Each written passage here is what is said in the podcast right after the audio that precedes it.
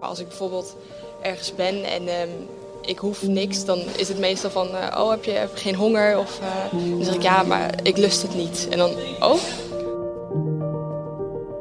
Een patatje, cola light, een witte boterham, maar voor de rest lust Ilona niet zoveel. Haar hele leven al heeft ze er last van, een zogenaamde selectieve eetstoornis. Maar ze liep wel stage bij de sectie koken en eten van onze krant.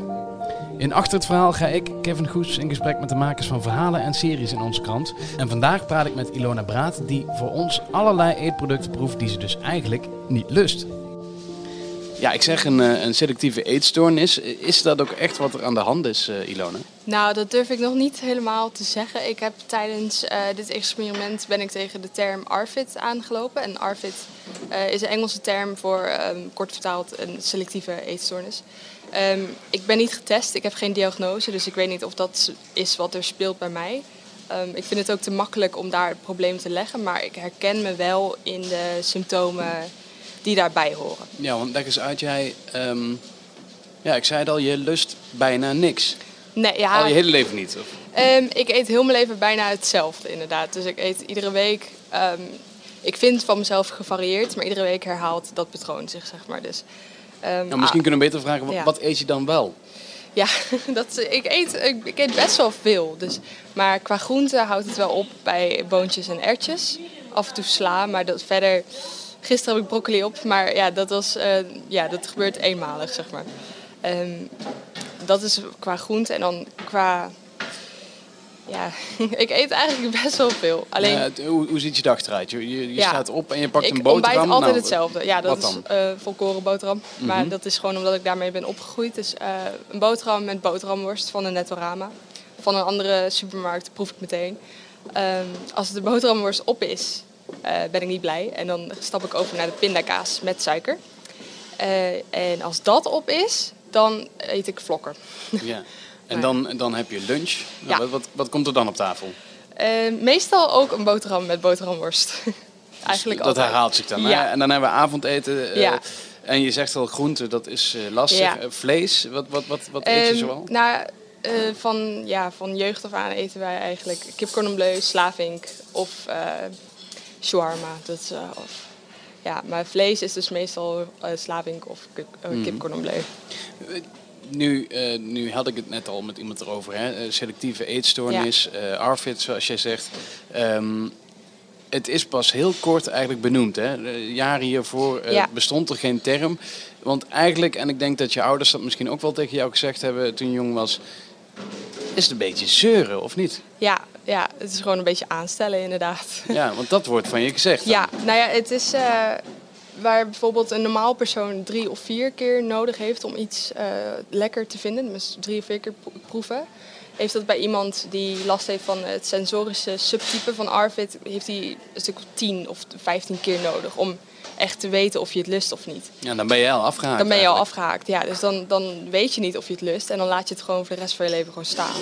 En dat heb ik dus eh, met dit experiment ben ik dus dingen gaan proeven die ik eigenlijk niet eet. Dus kaas, kibbeling, kroket en ei. Ja, dat, dat klinken als hele normale dingen die wij in Nederland allemaal eh, eten. Ja, Kaas, precies. eh, een kroket, ei. Dat, ja, dat zijn producten die overal en altijd bij de lunch geserveerd worden of, of Ja. bij het eten. Dat, dat is voor jou wel lastig. Lunch is niet mijn favoriete gedeelte van de dag. Als er ergens een lunch wordt klaargemaakt, dan neem ik gewoon mijn eigen brood mee. Want ik weet, het is een broodje met kaas of met ham en kipfilet. Dat, dat, eh, lust ik allemaal niet. Dus, Houden mensen nou ook rekening met je of zeggen ze toch van ja, stel je niet aan? nou, in mijn omgeving is het wel redelijk bekend dat Ilona die lust niks. Ehm, dus eh, daar kijken ze niet meer raar op. Maar als ik bijvoorbeeld ergens ben en ehm, ik hoef niks, dan is het meestal van, eh, oh heb je, heb je geen honger? Of eh, dan zeg ik ja, maar ik lust het niet. En dan, oh, hoezo dan? Eh, waarom lust je dit niet? Waarom lust je geen broodje kaas? Ja, ja, ja proeven, dat, eh, ja, dat heb ik eigenlijk nooit gedaan. Nee, want ik, ik, ik, zat, ik zat net hier bij eh, de fotosessie die met jou genomen werd Ja. voor de komende weken. Hè? Want elke week verschijnt er een proef van jou eh, in de krant. ook met een filmpje erbij, volgens Ja. mij. Hè? Ehm, en dan, ja, dan sta je daar inderdaad met, met kibbeling of met, met een kroket. Ja. Dat, dat zal jou heel vaak in je handen geschoven worden. Van, ah, nou, misschien vind je het nu wel lekker. Ja, nou ja, toen ik die kroket had geproefd, toen was het gelijk van, eh, en lekker hè? En ik dacht, nou, nee, eigenlijk niet. Want, Ehm, eh, omschrijf eens, wat, wat doet dat dan met je? Wat, eh, wat proef jij dan? Nou, bij de kroket was het ehm, de buitenkant top, erg lekker. Maar eh, de binnenkant, dat was voor mij eh, de, de boosdoener, zeg maar. Dat, dat proefde helemaal niet, of het smaakte helemaal niet eh, zoals ik had verwacht. En dat maakte het al dat ik het niet lekker vond. En het feit dat de buitenkant zo krokant is en de binnenkant niet, dat, die combinatie, dat, dat werkt voor mij gewoon niet. Dat heb ik ook met bonbons, met een zachte vulling bijvoorbeeld. Dat, dat lust ik ook niet. Nee, Dus ja. gewoon eh, ook de structuur staat je De dan niet aan. structuur is voor mij erg belangrijk, ja.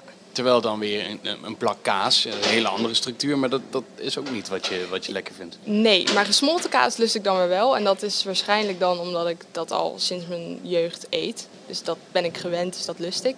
Maar een, een plakje kaas heb ik op brood of zo heb ik nooit gewild of eh, willen leren proeven. Want ik vond het altijd stinken. Of, ja, ik, ik neem wel gewoon liever iets wat ik al ken. Mhm. Ja. Ja, en, en nu kom je hier dan stage lopen en dan word je aangeboden, misschien kun je bij de sectie koken en eten gaan, Ja. gaan werken. Ja. Wat was jouw eerste reactie daarop?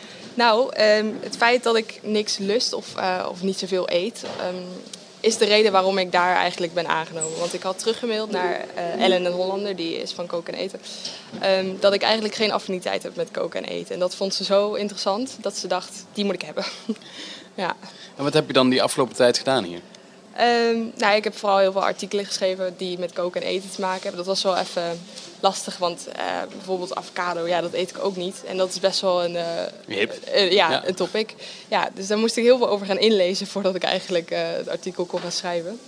Ehm, en natuurlijk Ilona Proeft heb ik, ben ik ook lang Ja, je denkt natuurlijk niet van, ik ga participerende journalistiek doen, dus die avocado moet ik, moet ik even eten. Nee, nee, nee, zo denk ik niet. Ja, Ilona Proef, dat komt er dus nu aan, wat je Ja. zegt. Eh, hoe, gaat het uitzien? We hebben het al een beetje besproken, maar eh, wat kunnen we ervan verwachten? Ehm, het zijn vijf artikelen in totaal. De eerste is een eh, introductieartikel. Dus daar is het meer mijn geschiedenis. eh, twee deskundigen die met mij praten over ARFID. En nog een andere deskundige die vertelt hoe smaak werkt. En in de andere artikelen ehm, ga ik dus die, die, die vier dingen proeven. En leg ik uit wat er dan gebeurt en waarom ik het dan niet lekker vind. En of ik het misschien lekker ga vinden ooit.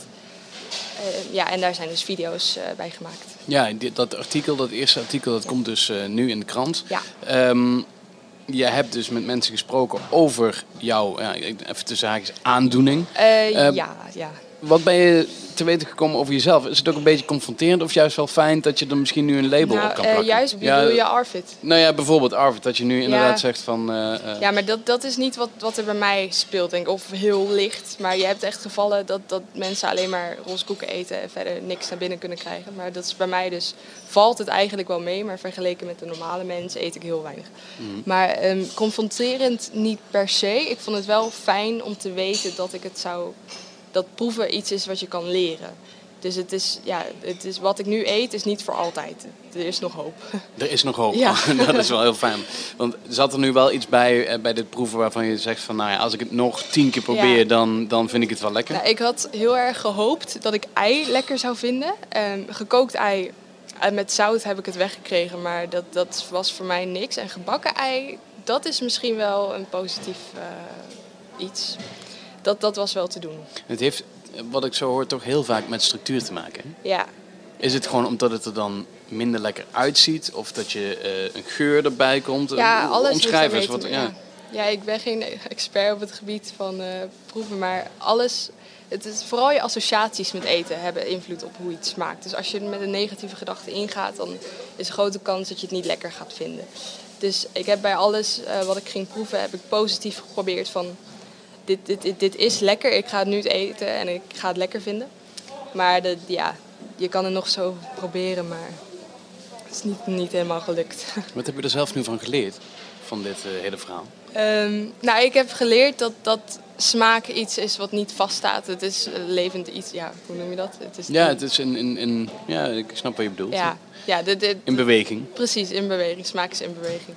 En ehm, het, het heeft mij eh, geleerd dat ik ook dingen kan eten die ik nu, waar ik nu nog van wallig. Dus ja, wat ik net zei, dat er hoop is dat ik nog meer ga, ga eten als normaal. Maar dat ik bij de lunch ook gewoon iets kan bestellen in plaats van uh, tomatensoep. Nu is dat voor jou het geval. Uh, die mensen die met Arvid leven, ja. is dat ook zo of is dat nog veel lastiger? Um, ja, het is lastig. Het gaat echt om je overtuigingen en je gedachten. En die moeten uh, positief worden, wil je echt iets gaan. Mensen met Arvid worden ook geconfronteerd of blootgesteld aan de, de voedingsproducten die ze eigenlijk vermijden. En ehm, dan wordt er gekeken of, of als ze dat eten, of er echt gebeurt wat ze denken dat er gaat gebeuren. Dus ga ik kotsen van, van dit eten? En dan meestal is het nee. En dan leer je dat zo aan dat, het, dat je eigen gedachten eigenlijk je voor de gek houden. En dat je het eigenlijk wel lust. Nu, nu ben ik heel gemeen geweest, hè, want we zitten in de kantine eh, waar we dit opnemen. En je hoort op de achtergrond ook allerlei gerinkel nog van, van bestek en, uh, en borden en zo. Uh, heb je dan ook dat als jij in een kantine komt, dat je eigenlijk al een beetje walgt van tevoren? Nou, um, in deze artikel, artikel, Deze kantine? In deze kantine van het AD heb ik nog nooit iets besteld. Dus ja, ik heb er geen haatgevoelens bij. ligt, ligt het dan aan geuren ook die, die op je afkomen? Nee, ik heb niks tegen eten of zo. Nee. Uh, als mensen tegenover mij zitten met vis, dan vind ik dat ook helemaal prima. Ik hoef het gewoon liever zelf niet te eten. Nee. Ja. Koken en eten en dan ga je ja. daar stage lopen. Ja. ja. Hoe was dat? Um, leerzaam, ja. Um, Yeah. Maar de volgende keer gewoon weer uh, een normale dak van journalistiek. Ja, ik vond het eigenlijk wel leuk om mee te maken. Ja, het is, het, ik zei al tegen Ellen van... Um, uh, ja, het maakt niet uit waar het over gaat. Het journalistiek is hetzelfde als ik nou een verhaal schrijf over een avocado of over ja, iets anders nieuws gerelateerd. De, de, de, principes zijn hetzelfde. Dus ik heb wel veel geleerd qua schrijven en uh, interviewen. Maar ik vond de onderwerpen ook leuk om over te interviewen. Dus dat, dat hielp ook wel mee. Wat eet je vanavond? Pizza, denk ik. Een pizza.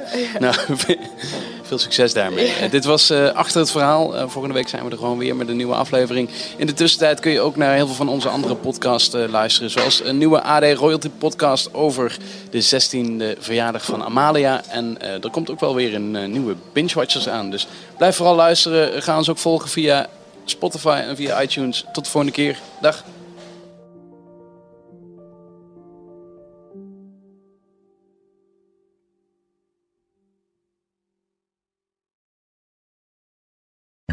Wereldnieuws gaat ons allemaal aan. Maar als het nieuws gaat over je stadje, je buurtje of je straatje, dan voel je, dit raakt. Daarom lees je in het AD alles over het nieuws in de wereld, Nederland en jouw regio. Download nu de AD-app en mis nooit wat voor jou belangrijk is.